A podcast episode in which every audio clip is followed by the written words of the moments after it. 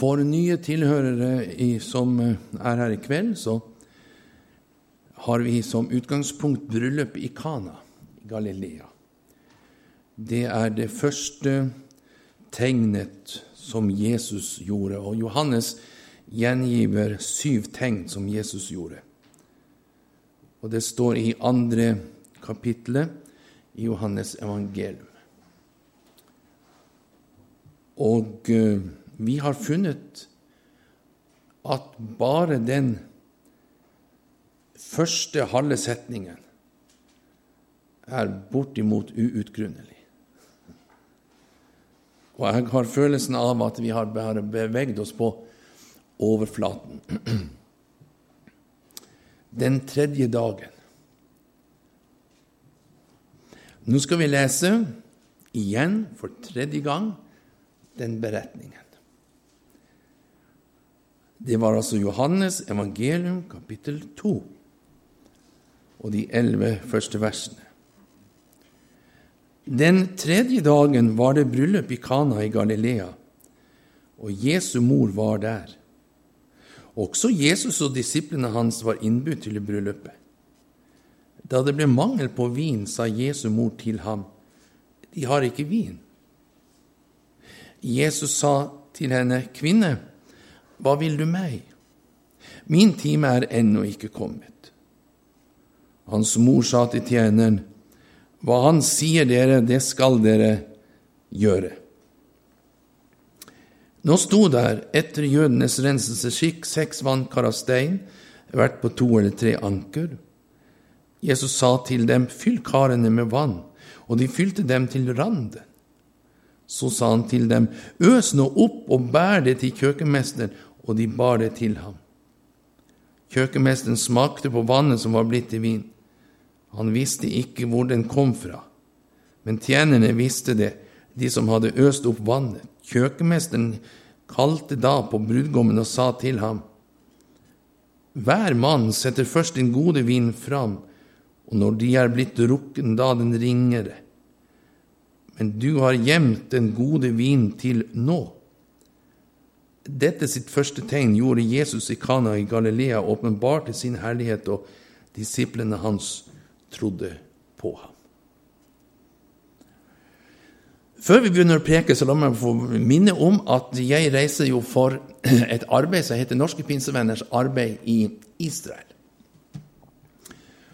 Og eh, de fleste her er sikkert godt orientert om det som foregår der, men jeg vil bare minne om at er du ikke ikke abonnent på skibillett, så bør du bli det. Det er faktisk eh, livsviktig for deg. Så du kan følge med på det som skjer i dette arbeidet.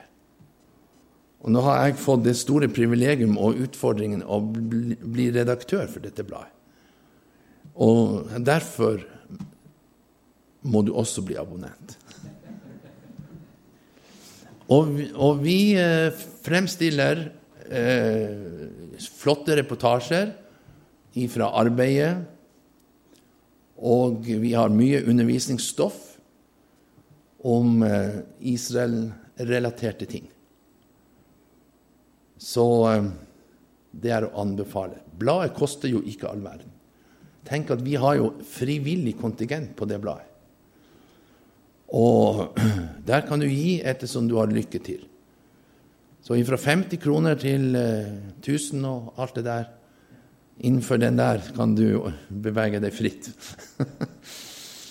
og så har vi jo huket av i bladet eh, altså vil si at vi har lagt inn en giro, og på den giroen er det da forskjellige alternativer. Så hvis du ønsker å gi til arbeidet, så er det en frivillig sak, det. Så jeg vil bare si det at akkurat nå så er vi inne i en eh, spennende tid.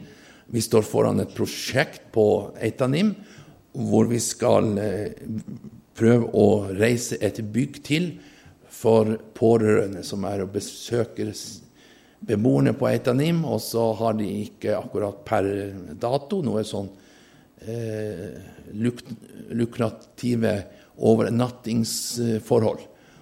Og vi er blitt spurt om vi kan da tenke oss å bygge et bygg så de kan ha til det. Det er allerede på tegnebrettet. Mon om det ikke er ferdigtegna, det er jeg ikke helt sikker på. Så det har vi som utfordring fremover, pluss at vi har en utfordring i å skulle ha fått oss en annen bil der nede. For ikke lenge siden skifta vi motor i den bilen, og nå er det vel kommet dit hen at det er ikke så veldig lønnsomt å reparere mer på den. Så da trenger vi lignende opplevelser som vi hadde sist. Ja, hva hadde dere sist?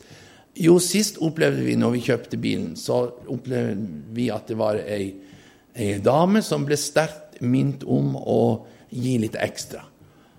Og vet du hva hun ga? Hun ga over 200 000 til bilen. Det, det, det er ikke verst, altså. Så uh, om ikke vi akkurat uh, får inn så store beløp fra enkeltpersoner, så er alle beløp like kjært velkommen. Husk på det.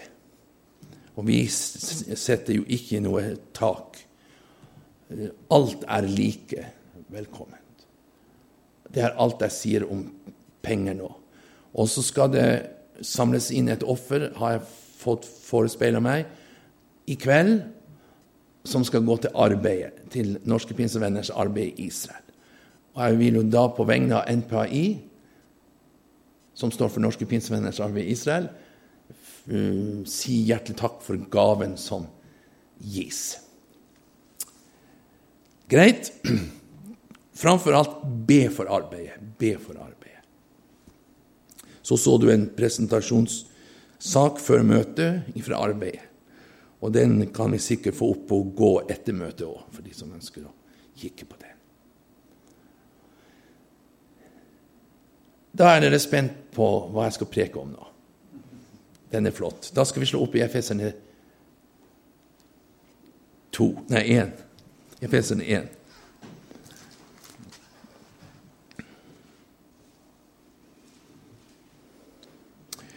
Og så skal vi be ifra vers 17. Vi skal gjøre Paulus' bønn til vår bønn i kveld, før vi begynner å dele tanker. Håper du har god tid, for jeg får ikke til å preke når folk er stressa. Så vi senker skuldrene, sant? Og der står, og så gjør vi dette til vår bønn, Efeserne 1 fra vers 17. Jeg ber om at du, min Herre Jesu Kristi Gud, Herlighetens Far, må gi meg visdom og åpenbaringsånd til kunnskap om deg, og gi meg hjertets opplyste øyne, så jeg kan forstå hvilket håp du har kalt meg til, og hvor rik på herlighet din arv er blant oss hellige, og hvor overveldende stor din makt er for oss som tror, etter virksomheten av din veldige kraft. Det var denne du viste på Kristus, da du reiste han opp fra de døde og satte ham med din høyre hånd i himmelen, over all makt og myndighet, over alt velde og herredømme, og over hvert navn som nevnes, ikke bare i denne verden, men også i den kommende. Alt la du under hans føtter og ga han som hode over alle ting til menigheten, som er hans legeme, fylt av deg som fyller alt i alle. Dette ber vi om i Jesu navn. Amen.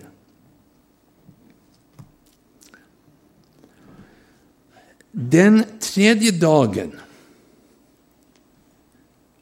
Vi gikk ut ifra det og konkluderte på første møte på fredag at der er sammenhenger mellom Det nye og Det gamle testamentet om disse dagene. Vi fundamenterte i skapelsesberetningen, første Mosebok 1,14, at han satte de store himmellys til bl.a.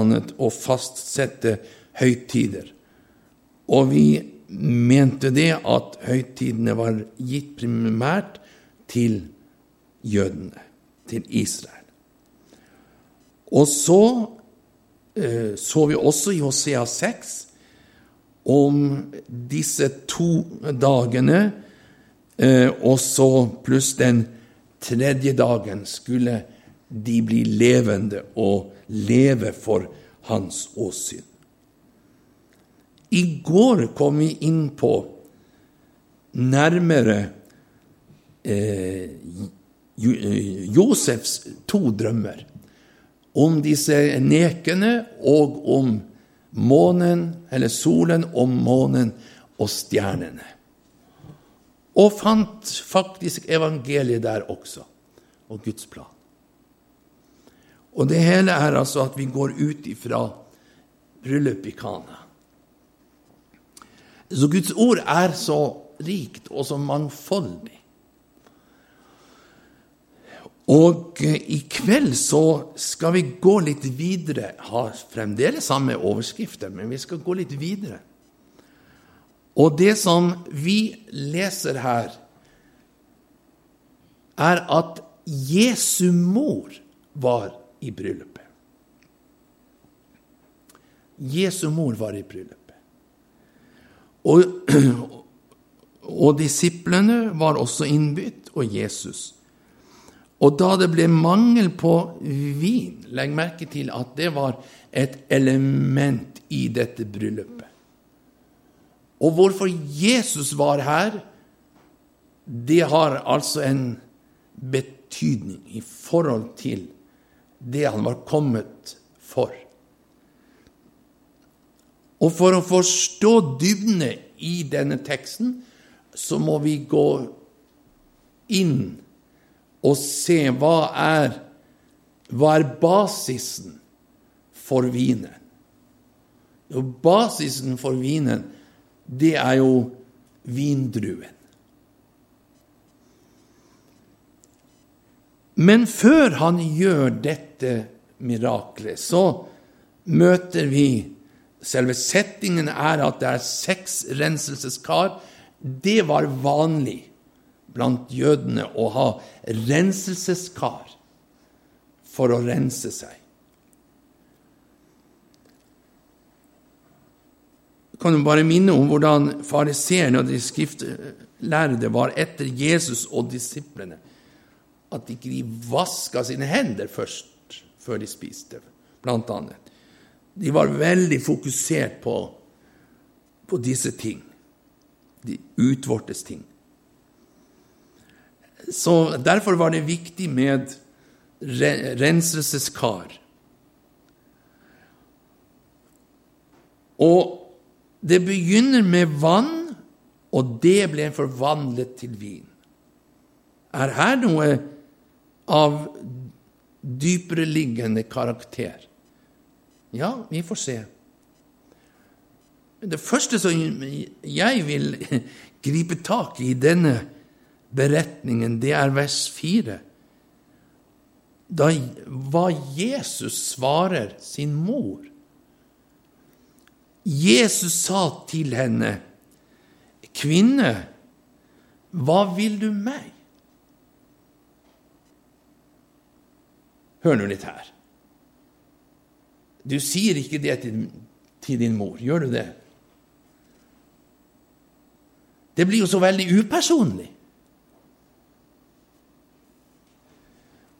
Og attpåtil så sier du jo ikke til henne 'Min time er ennå ikke kommet'. Men Jesus gjorde det, og da må det jo bety noe at han sier dette til sin mor i bryllupet i Kana i Galilea. I det første tegnet han skulle gjøre. Han var gått inn i offentlig virksomhet. Hva møter vi her? Jo, for det første så er vi alle klar over det at den timen som Jesus snakker om, det er lidelsens time. Da folket skulle overgi ham. Da han sa Far, er det mulig, så la denne kalk gå meg forbi, dog ikke som jeg vil, men som du vil. Og da var han overgitt til Faderens vilje. Da oppfyltes egentlig det som ble sagt av brevbrevets forfatter Dette sier han idet han treder inn i verden. Offer og gaver ville du ikke ha, men et legeme laget du i stand for meg. Han kommer for å gjøre Faderens vilje. Han tar det første bort for å innsette det annet, og ved denne vilje er vi helliget en gang for alle. Det er forsoningsverket, frelsesverket. Men for at Jesus skulle være i den eh, offerstillingen, så måtte det skje noe i forhold til hans mor.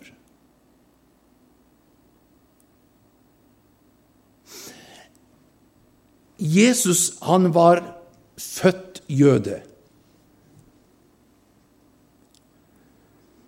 Og i henhold til Talmud for menigmann så gikk jødiske barn, og dermed også Jesus, gjennom følgende prosedyre i den religiøse undervisningen og oppdragelsen. Jesus fulgte disse ting. Da Jesus var fem år, begynte han å studere Skriften, ifølge Talmud.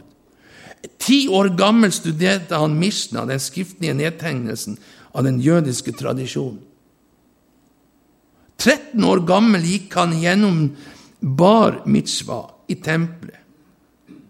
Tilsvarer vår konfirmasjon, kan vi vel si på en måte. 14 år gammel studerte han Talmud, kommentaren til loven. Og fra han var 20 år og fram til han gikk i offentlig virksomhet, så var han tømmermannens sønn og gjorde sannsynligvis arbeid som tømmermann.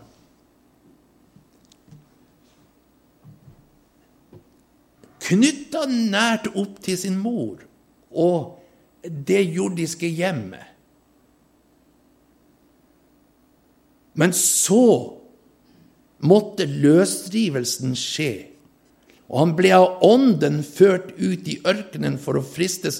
Og etter denne fristelsen så ble han drevet, står det i Lukas 4, med åndens kraft tilbake til Nasaret.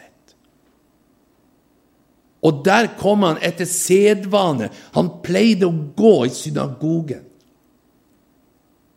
Og så, og så tar han profeten Jesaja, hvor det står dette, eller han fikk da Jesaja og, og leser hvor det står Herrens ånd er over meg fordi han har salvet meg til å forkynne evangeliet for fattige. Det kalles for Jesu trontale. Han sto ved terskelen og, skulle gå inn i offentlig virksomhet. Omkring, omkring det samme momentet så er det at eh, han også deltar i dette bryllupet og møter altså moren sin og sier kvinne istedenfor mor. Hva er årsaken til det?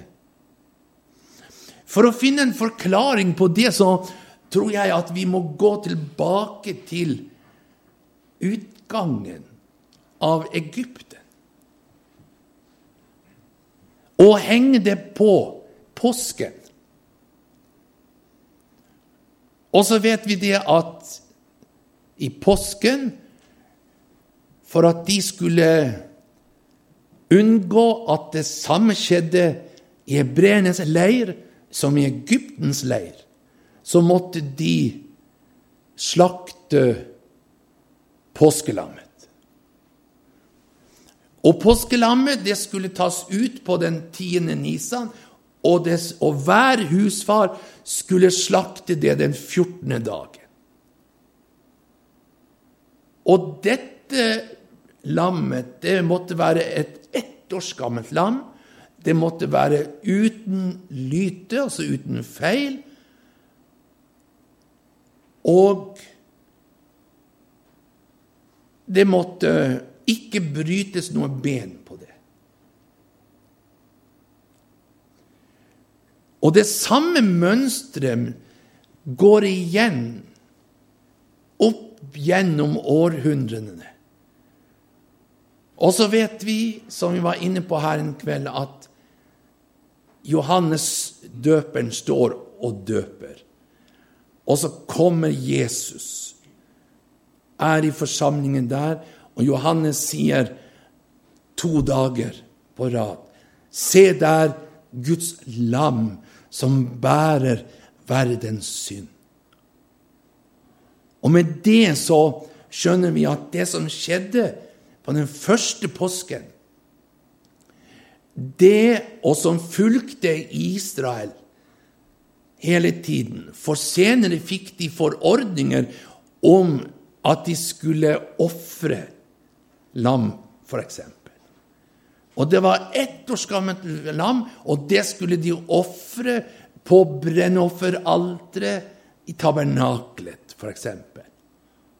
Og det skulle skje to ganger om dag. På morgen og på ettermiddag, eller aften. Og det var samme lovene. Det skulle være ett års gammelt, og det skulle, være, det skulle følge de samme prosedyrene. Og så møter vi på en måte at, at vi er kommet i mål.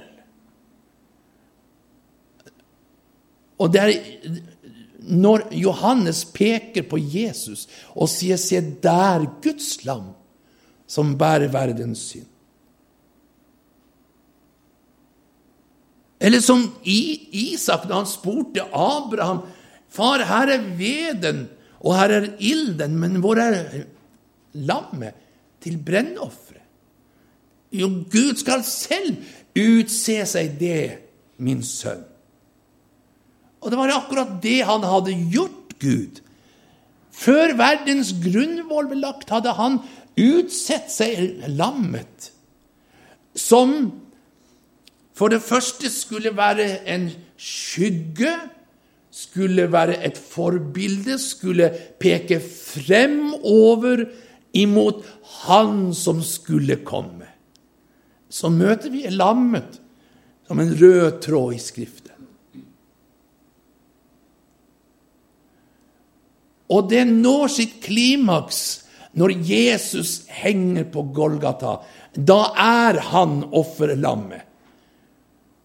Og Paulus understreker dette når han skriver til menigheten i Korint at vårt påskelam er slaktet. Og da henvender han seg til en menighet som består både av jøder og hedninger. Vårt påskelam er slaktet det er Jesus Kristus. Og vi får kikke litt inn i den evige sfære. Vår bror møtelederen han ga oss litt interessante perspektiver om planetene og, og stakkars Sasta, som ikke kan fly fortere. Men ok, så, så, så, fort, så fortalte han om, om dimensjoner i det her.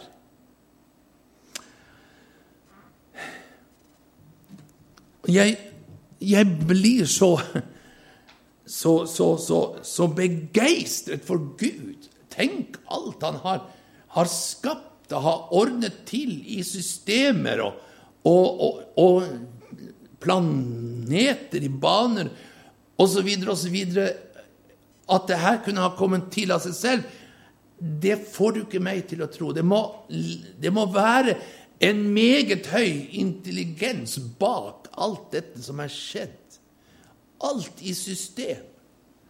Og så er frelsen satt, og Skriften ikke minst, satt i et system.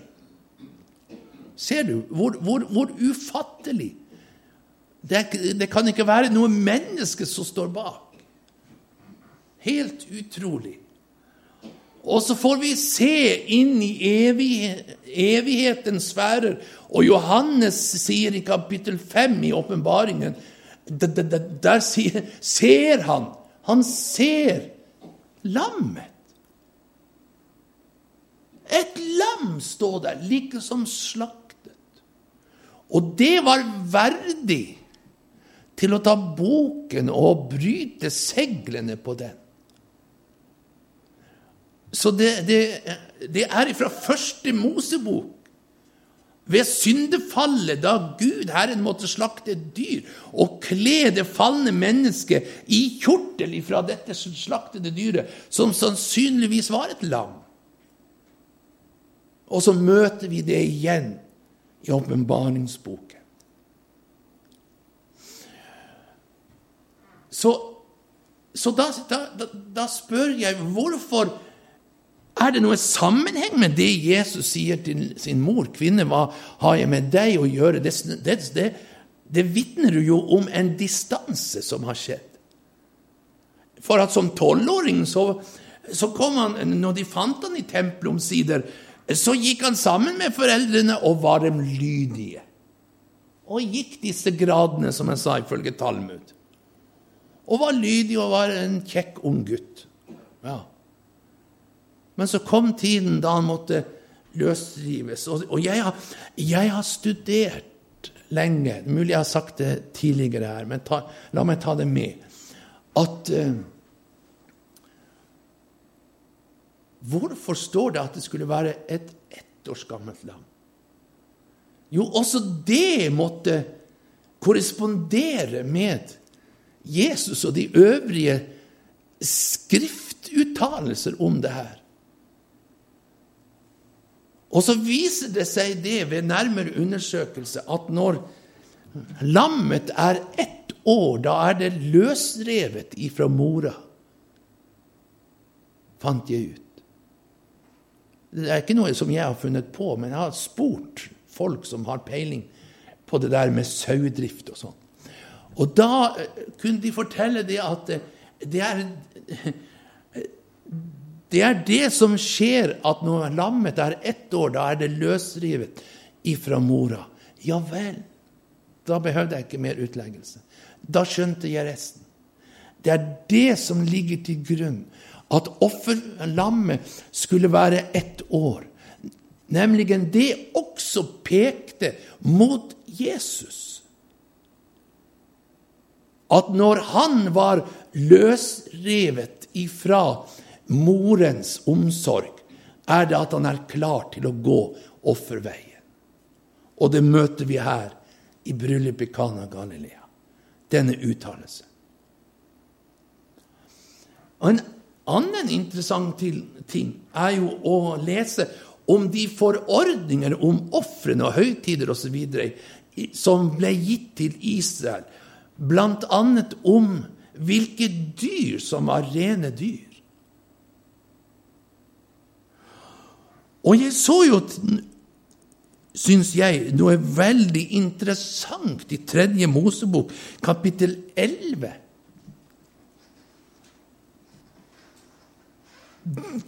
Der under kapitlet lover om rene og urene dyr. Herren talte til Moses og Aron og sa til dem, tal til Israels barn og si, dette er de dyr som dere kan ete av alle firfødte dyr på jorden alle de firfødte dyr som har klover, og har klovene kløvd helt igjennom, og som tygger drøv, dem kan dere ete.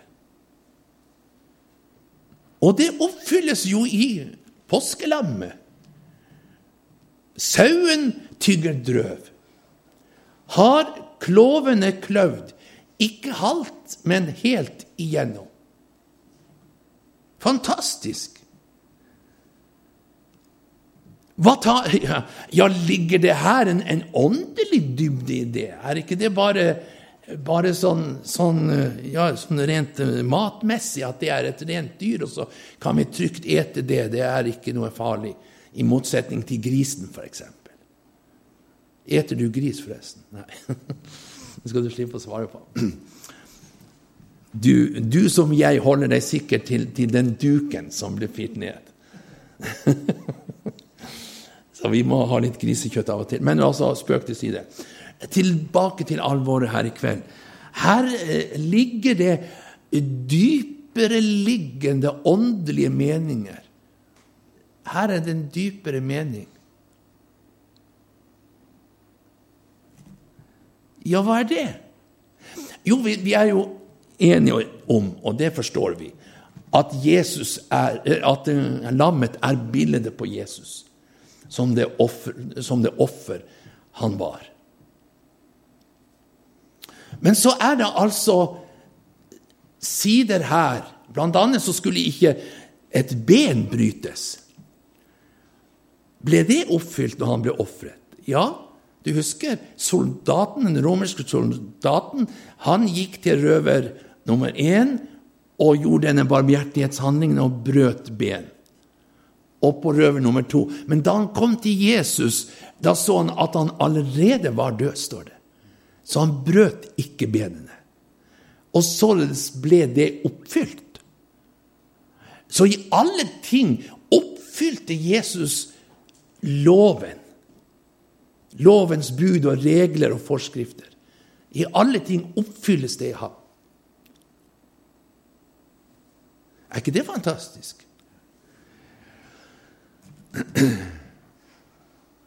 Men så står det om klovene. Kloven er kløvd helt igjennom. Det er tale om at det Jesus representerer i kraft av sin guddommelighet, er noe som kan korrespondere med disse fire føttene som har klover som er kløvd helt igjennom. Ja, nå, nå er du fantasifull, sier du. Neimen, hør nå her litt. Vi møter det representert i når Jesus underviser sine disipler. Og det avspeiles når de drog i gang menighetsordningen som Gud gjennom Jesus hadde gitt åpenbaring om skulle skje. Og da var det fire føtter dette skulle stå på. Akkurat som lammet har fire føtter.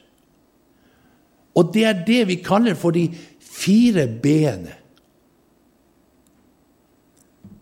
Ja, men det der med klovene kløv, da? Ja, det, det betyr at det er et skille. Du skiller mellom ting.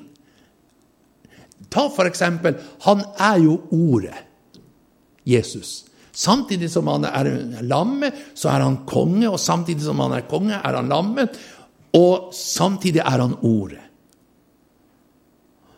Og hva står det om ordet i Hebreerne 4,12? Jo, Guds ord er levende og kraftig. Levende og kraftig. Og skarpere enn noe tveegget sverd, så det trenger igjennom. Da har du fire ting. Inntil, og så kommer klovene kløvd. Inntil det kløver. Ser du det? inntil det kløver sjel og ånd, ledd og marg, og dømmer hjertets tanker og råd.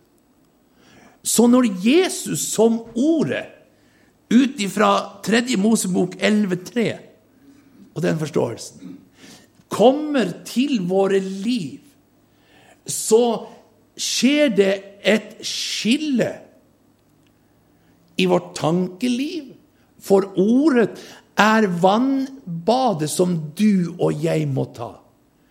Og vi trenger ikke å, å bade våre føtter og vårt legeme sånn fysisk i, i ordet, altså. Men det er vårt åndsliv og vårt sjelsliv, vår indre verden, som må oppleve renselsen i ordet. Og så må vi ta stilling til ordet. For ordet er ikke bare tomme ord, men det er levende og kraftfulle ord som trenger igjennom og setter oss på valg. Så vi må skille mellom ting. Kloven er kløvd. Ikke sant? Altså, vi må ta et valg overfor skal jeg skille meg av med det for å gå Guds vei. Det som hindrer meg i gudslivets utvikling, det må jeg skille meg av med. Det som Ånden gjennom Ordet viser i mitt liv. Der er ting jeg må ikle meg, og ting jeg må avkle meg. Var ikke det Paulus' undervisning? Han førte jo menighetene inn i en garderobe, og så hadde han ett skap så de skulle avkle så de skulle kle av seg. Men du kan jo ikke gå omkring naken. Ja vel, så hadde han et skap nummer to, hvor du må kle på deg inderlig barmhjertighet, trofasthet, godhet osv. osv. Ikle deg. Eller først avkle deg og ikle deg. Og det er noe som vi må gjøre under hele vandringen. Det skal ikke finnes noe bitter rot hos oss som får vokse opp og volde men. Det skal vi avkle. Og så skal vi ikle oss inderlig barmhjertighet og kjærlighet til hverandre. Det er det som skal finnes i menigheten. Så innfelt i påskelammet ligger dette som som Peter kaller for 'Dere har fått del i guddommelig natur'. Ser du det? Få del i guddommelig natur. Og som gjør at du får ikke lyst til å synde. Du kan snuble, men da angrer du etterpå. Ja. Og så er det tilgivelse å få dette, sier jeg til dere, for at dere ikke skal synde det er livsstilen vår. Det er settingen vi er kommet inn i. Men om noen synder, så har vi en talsmann hos Faderen, Jesus Kristus. Og han er en soning for våre synder. Takk og lov og pris. Ja. Og så kan vi gå til Når menighetsordningen når det begynte å bli behov for menighetsordning etter pinsedag, så var det fire fundamenter de holdt trofast på. Og der møter du Nå har vi sett på det, på det individuelle plan, men på det kollektive plan, altså i menighetssammenhengen, så møter du også disse fire føttene på, på lammet med klovene kløvd. Der var det Bibel, og der var det bønnen, og så var det brorskap, og så var det brødsbrytelse. Det var de fire ting de holdt trofast fast ved, og som vi skal holde trofast fast ved. Så har vi sett at Bibelen har klovene kløvd. Den første ben har klovene kløvd, for at Guds ord, det skiller. Og det neste, hva, hva, er det? Ja, om vi ikke tar det i den, den uh, rekkefølgen som det står, uh, så, så, tar vi det etter sånn det kommer for oss her. Så er det brødsbrytelsen. Og hva, hva skjer under brødsbrytelsen? Jo, det skjer også et skille. For hvem, for det første, så, det første skillet skjer. Hvem skal ha brødsbrytelse? Hvem skal gå til nattverd? Er det den som står i Den norske statskirke? Nei, har du hørt? Det kaller jeg for svada. Nei, det er den som er født på ny, som er frelst. For du blir ikke frelst gjennom å ta nadverd. Det er å snu det på hodet. Men fordi at du er frelst, har du tilgang til Herrens nattverd. Ja, Det lærer Bibelen. Og vi bryr oss ikke om noe annet enn det Bibelen lærer. Sant? Fordi at du er frelst, og der, der har du også skille. Og så er det også snakk om hvert menneske skal prøve seg selv under nattverdsmåltidet. Der kommer også et skille. Er mitt forhold rett innenfor Gud? Er mitt forhold rett overfor mine brødre og søstre? Enhver skal prøve seg selv. Og så eter han av brødet og drikker av kalken.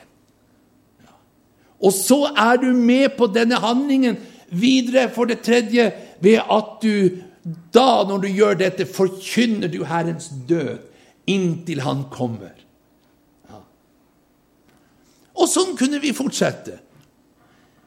Ser du hvordan Skriften Det, det går en, en, rød tråd, en sammenheng, igjennom alt. Kvinne, hva har jeg med deg å gjøre? Det var lammet. Men så skal vi gå videre her i kveld.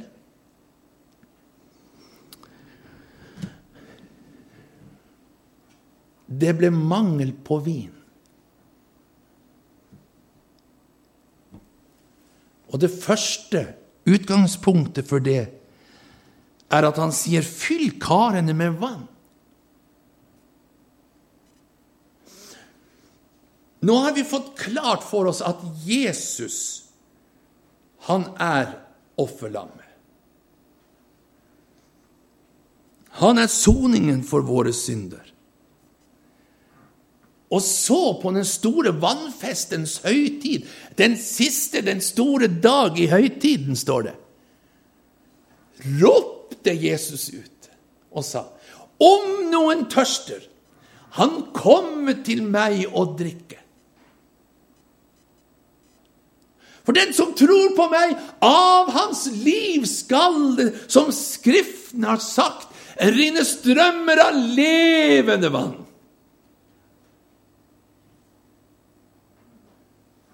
Så skynder Johannes seg å kommentere hva Jesus egentlig mente. Dette sa han om den ånd de skulle få som trodde på ham. For ånden var ennå ikke kommet. Så underviser Jesus senere og forteller om at det er til gagn for dere at jeg går bort, for går jeg ikke bort, så kommer ikke talsmann til dere.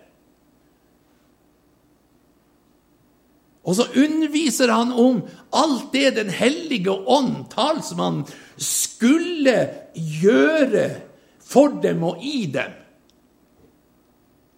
Og hva, hva, hva, hva som Jesus og Ånden Hvordan de opererte. Jesus forteller at, at uh, talsmannen han herliggjør ikke seg selv men han skal herliggjøre meg for dere. Det er hans oppgave. Og han skal minne om det som jeg har sagt dere. Og det var jo det de fikk oppleve. Sant? Når, når ånden falt på pinsedag, det var jo bare begynnelsen. Og så eskalerte det noe voldsomt. Og det var ikke bare tungetale, men det var tegn og mirakler. Og de fikk erfare at Ånden gjorde ordet levende og ga åpenbaring. Ja, de kommende ting skal han forkynne dere, for han skal ta av mitt og forkynne dere. Og da har altså vannet blitt forvandlet til vin. For hva gjør vinen? Det er snakk her i bryllupet om, de, om påvirkning av vinen. sant? Hva gjør eh, vinen? Vinen, den gjør det at du mister kontrollen og taler en hel masse tull og tøys. Men i dypere forstand, det er jo et symbol så er det snakk om at Den hellige ånd, han vil eie deg. Ja, For Jesus han sa jo at 'uten meg kan dere intet gjøre'. Det er snakk om en overgivelse. Når jeg blir født på ny, så får jeg ånden til pant i mitt hjerte.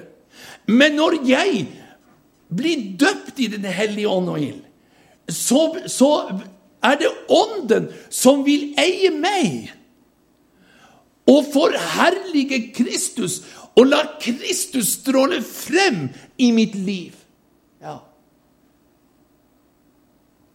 Så det å bli åndsdøpt er ikke først og fremst å tale i tunge, men det er at du mister mer av deg selv. Og i den grad du mister deg selv, i den grad helliggjøres du. I den grad får den guddommelige naturen overhånd i ditt liv. Så hvordan er det når dere kommer sammen? Da har vi et program, ikke sant? Ja, men hva sier Paulus? Han, han hadde en helt annen forståelse av det enn vi, enn vi har fått, tror jeg. For han sier, 'Hvordan er det når dere kommer sammen?' Da har hver av dere en salme, en lovprisning, en undervisning etc., etc. Alt skal skje til oppbyggelse.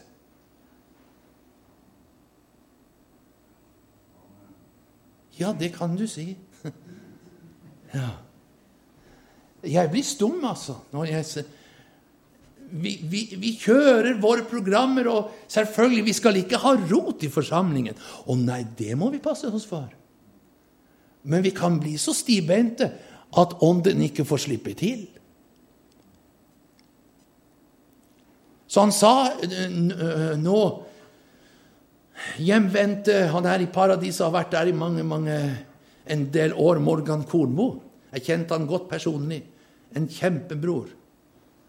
Noen syntes han var litt arrogant, men det var han slettes ikke. Han var en kjempekar.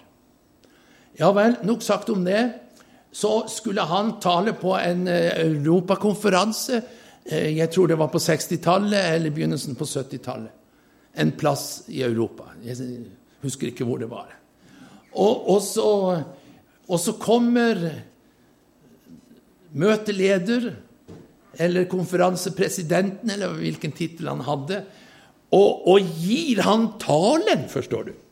Det her skal du tale om på møtet i kveld. Og det var ikke bare skriftstedet. Hadde det vært så, så vel, så var det jo greit. Men her var det hele talen. 'Denne talen skal du holde', sa han. Ja, det var jo rette, rette mann å komme med noe sånt til. Som Morgan Kornmo sa, hvor, hvor, hvor, skal Den hellige ånd slippe til, sa han. Ja.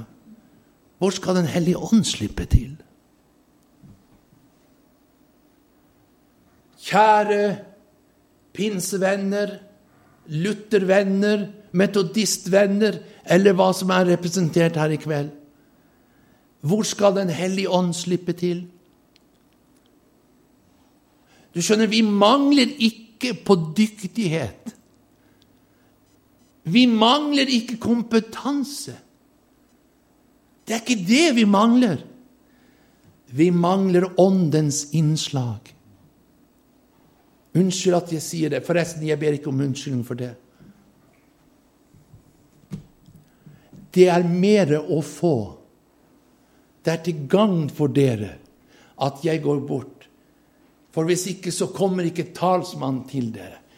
Og vet du, jeg tror at det vi aller mest trenger, er ikke bråkete møter først og fremst, hvor vi hører så mye latter og, og jubel og lyd.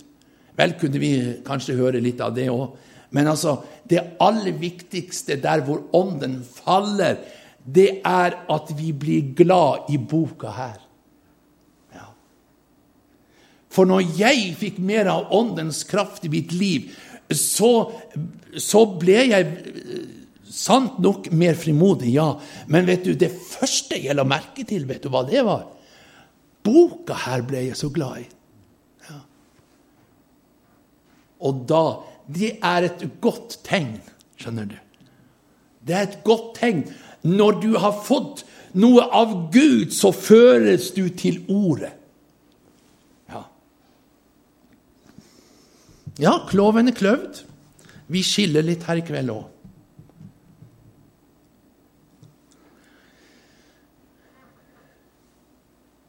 Fikk du med deg hva jeg sa innledningsvis? For jeg la an til noen prinsipper som vi skulle følge i kveld. Nemlig dette at basisen for vin er vindruen. Og hvordan kommer saften ut? For det begynner der. Saften kommer ut ved trykk og blir satt inn under trykk og bli knust. Og Det er et prinsipp i Det gamle testamentet også når det gjelder oljen som også er et bilde på Den hellige ånds salvelse. At Gud vitner med i det at han stadfester sitt ord med det medfølgende tegn. Det er Guds sanksjon over et innvidd liv. Det er salvelse. Begynte med prestene i den gamle pakt, og nå er vi kommet over eller rettere sagt inn i en situasjon hvor vi er et kongelig presteskap, avsatt til Guds bruk for å forkynne Hans dyder, som satte oss over i sin elskede sønns rike. Så her står prest Hendriksen og taler i kveld. Og der sitter presteskapet òg. For vi er et kongelig presteskap, et folk til eiendom. Guds eiendom. Han har merket vårt øre. Fordi at vi lik trellen i den gamle pakt Når han likte sin eier, så etter syv år var det vel, så skulle trellen få, få stilles på valg. Husker du det? Det var forordning. Han kunne forlate eieren sin. Nå har, nå har du tjent, avtjent tiden, nå kan du gjøre som du vil. Nei, jeg syns så godt om deg, du har vært så en grei herre for meg. Jeg vil være hos deg. Ja vel, det er greit, det, for jeg setter pris også på deg. Og så stiller han vedkommende trell imot dørstolpen, var det vel? Og så tok han en syl og kjørte gjennom øret.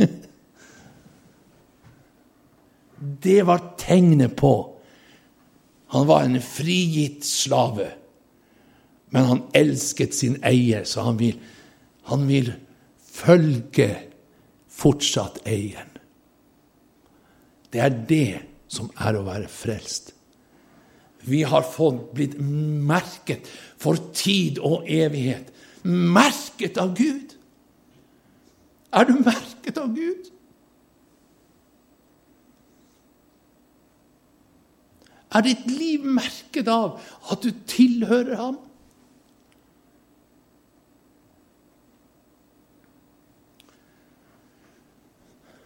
Ånden ble gitt ved at vindruen ble knust. Det behaget Herren å knuse ham, og etter at han ble knust, så utgjød han ånden som det var gitt løfte om. Sant? Og så står det så flott i Høysangen, i kapittel to, om brud og brudgom og Sarons blomst og dalenes lilje. Og du og du Vi kan jo bli nesten romantiske av å lese det her. Men hør her hva det står. Som en lilje blant torner, slik er min kjæreste blant de unge kvinnene, sier brudgommen. Som et epletre blant skogens trær, slik er min elskede blant de unge menn, sier om, om brudgom. Å sitte i hans skygge er min lyst. Hans frukt er søt for min gane. Du snakker om kananspråk, men det er altså det her. Men det er jo det, det, det er jo kananspråk formidlet i rosa farge, er det ikke det? Du kan jo bli nesten forelsket. Og det er det vi skal bli. Forelsket i Jesus. Men så står det noe mer. Han har Han har ført meg til vinhuset! Halleluja! Da er det slutt på sorg og møye, mismoson og vantrosin. Kan du høre pinsevinden sus og åndens vingeslag? Frelseren er her, han den samme er. Med sin sterke arm han store tegn og under gjør i dag. Frelsersyndere av alle slag, synger Åge Samuelsen. Kan du høre pinsevinden sus? Han har ført meg til vinhuset. Når de førte han meg til vinhuset? Jo, da pinsefestens dag var kommet, var de alle samlet på samme sted. Og med ett kom det som et fremfarende veldig vær og fylte hele vinhuset, holdt jeg på å si. Og med ett Det var ikke bare vin som boblet der, men det var ildtunger som delte seg og satte seg på enhver av dem. Da ble de alle fylt med Den hellige ånd. Halleluja og de begynte å tale. Er du fylt av Den hellige ånd? Hvis ikke, så be om å bli det. Be om at Herren fører deg til vinkammeret, til vinhuset. Og slutt å drikke av disse verdensbrukne brønner, men drikk i fulle drag av den ene flaska etter det andre som står i vinhuset. Og jeg skal garantere deg at du får ikke se eh, syner og tale ting i, i, i hytt og pine, men du får se ting, ja. Du får se vidunderlige ting i Hans lov. Takk og lovpris. Og du vil bli preget av det.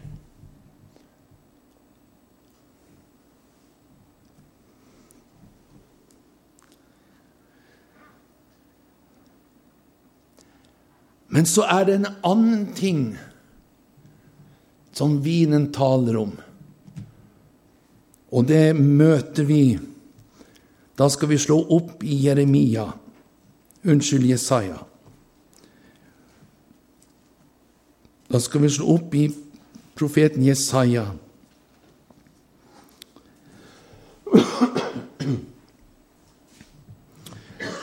Og I Jesaja 61 der møter vi det som Jesus leste ved inntredelsen av sin tjeneste. Og for den oppmerksomme leser så, så legger vi merke til at Jesus brøt av i vers 2. Han stoppte og lukket boken etter at han leste, til å utrope et nådens år fra Herren. Der stoppet Jesus. Men det står noe mer her og en hevnens dag fra vår Gud. Og så kommer en ny epoke til å trøste alle sørgende. Det er profetiske perspektiver. Først kommer nådeåret, som vi er inne i, og som snart ebber ut. Er du klar over det? Det ebber snart ut, nådeåret. Og så kommer hevnens dag.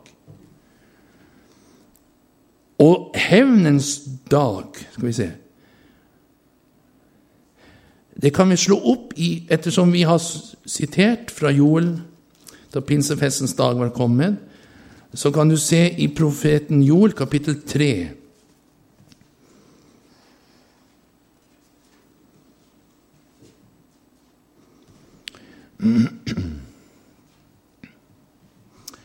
i vers 6.: For se de dager og på den tid når jeg gjør ende på Judas og Jerusalems fangenskap, da vil jeg samle alle hedningefolk og føre dem ned til Josefas dal.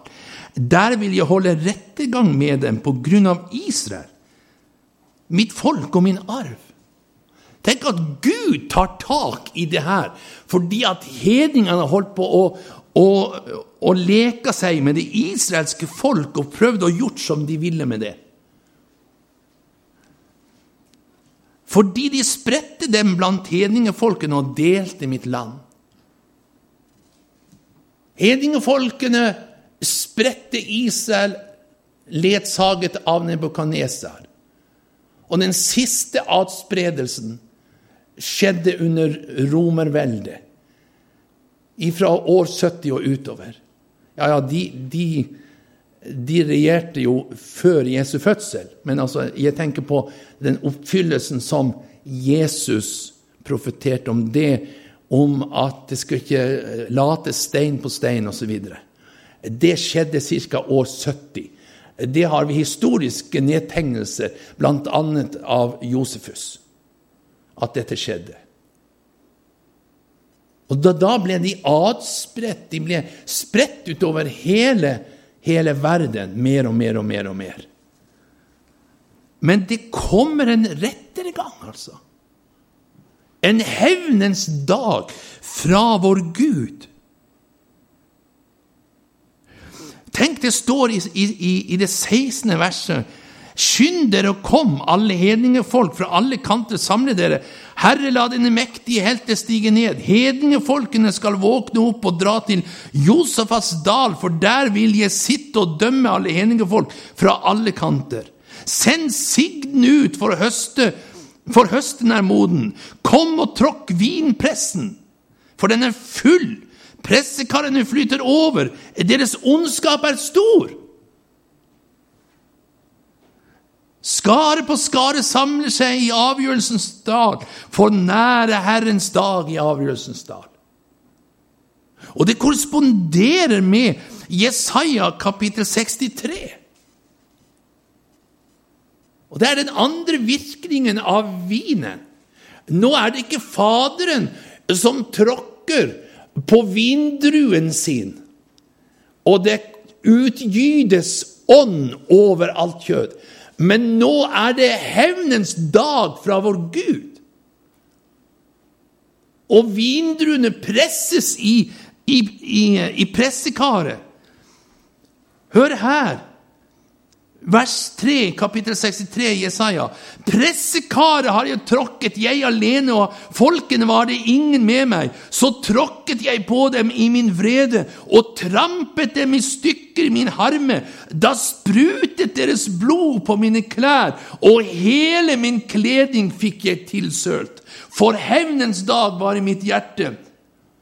Og så kommer det etterpå, og mitt gjenløsningsår var kommet hevn, først nådens år og hevnens dag, og så gjenløsningens år. Det er tusenårriket. Og da er ringen sluttet, kan du si, for studiene vi har vært inne på denne viken. Nemlig på den tredje dag. Og den tredje dag Det har gått To profetiske dager, og, og vi står ved utgangen av den andre dagen.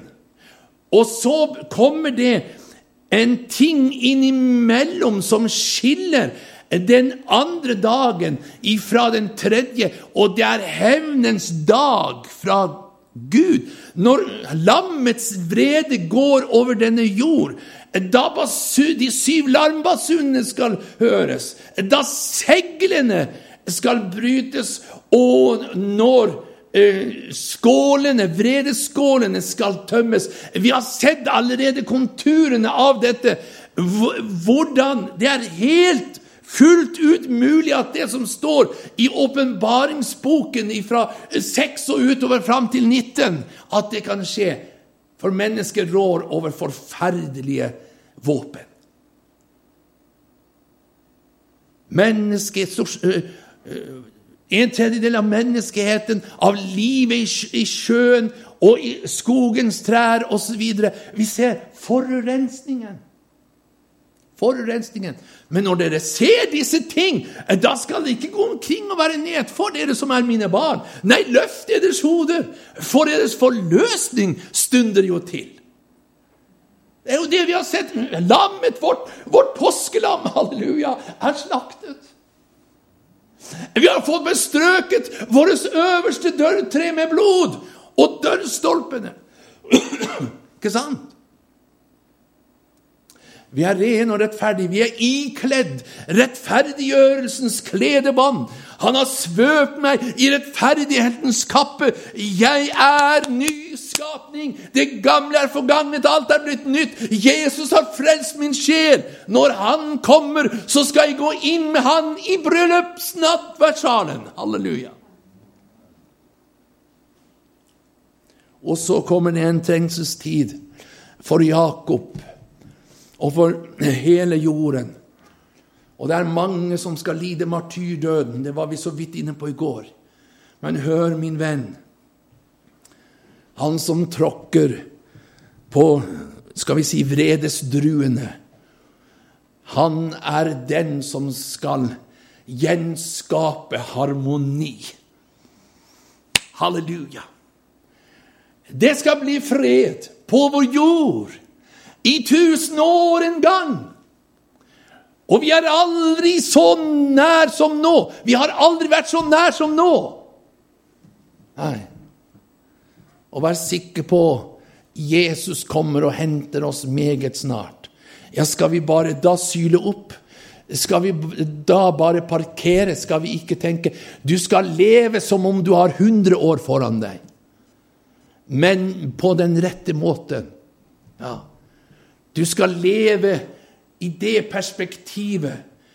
Jesus kan komme når som helst. Derfor vil jeg være ivrig. Derfor vil jeg ha mine føtter fundamentert på Golgata og leve rett for ham. Og så skal jeg være med og påvirke og vitne til mine kamerater og naboer og venner og familie. Ja. Samtidig som jeg alltid er rede til å møte brudgommen min. Og han kommer til å gjøre det han har sagt til fedrene når det gjelder Israel. Frykt ikke du. Her er det ikke snakk om å gå tilbake til grensene i 67. Nei. Men å gå tilbake til Guds løfte til Abraham. Det er det det er snakk om. Og det kommer til å skje fyldest ved inngangen av det tusenårige riket.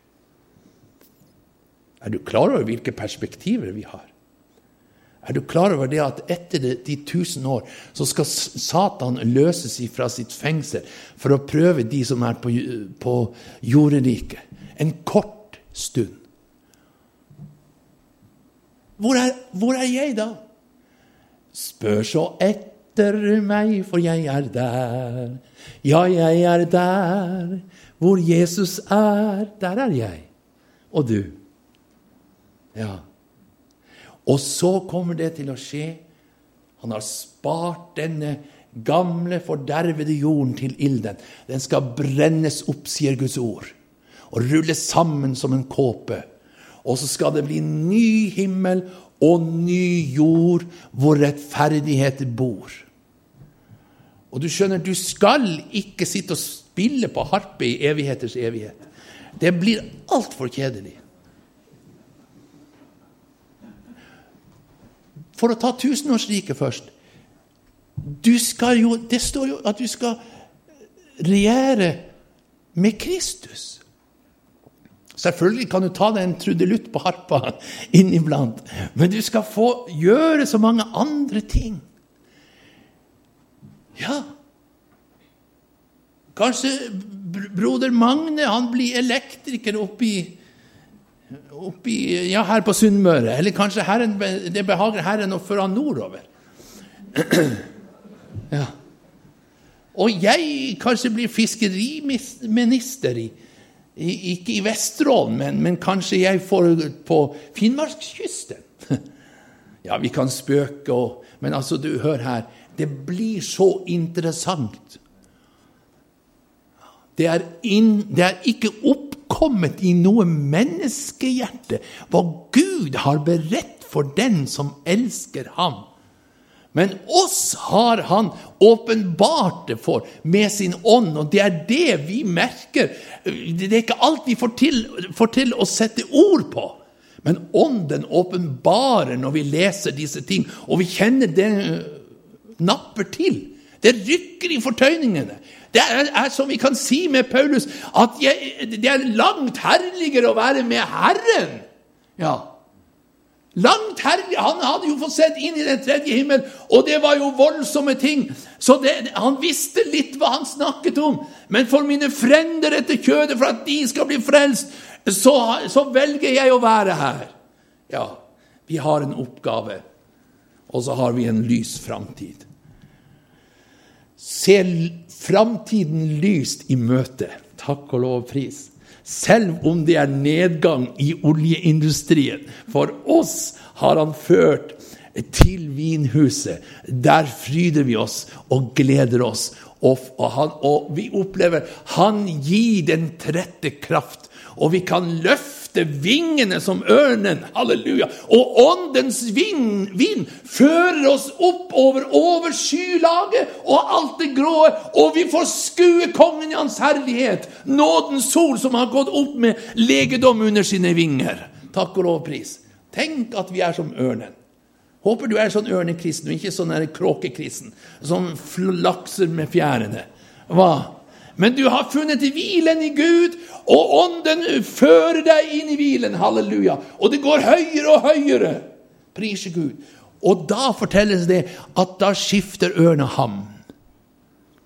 Og du får oppleve fornyelse. Og jeg hørte jo her for en god del tid tilbake at hun ikke bare skifter ham, men hun skifter nepp også. Nepp, du hørte riktig. Nepp. Ja.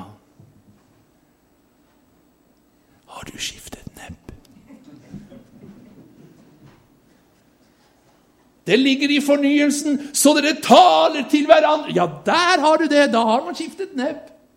Så vi taler til hverandre positive ting, synger åndelige viser, oppgløder hverandre til å holde fast ved Jesus Kristus. Ikke 'Å nei, så trist det er', og har du hørt det om fru Hansen? Har du hørt det om herr Pedersen? Og nå er det forferdelig, og det er grusomt. Det er jo ikke rart at folk må gå på antidepressiva. Hvis de stadig hører negative ting. Nei, vår munn skal jo tale positivt. Sant? For vi har jo et positivt budskap. Prise Gud. Ja, jeg har følelsen av at vi er i bryllup i Kanaan nå. Takk og lov. Herren kommer med sånn nebbvekkelse. Så vi taler guddommelig til hverandre. Halleluja. Skal vi sette strek der?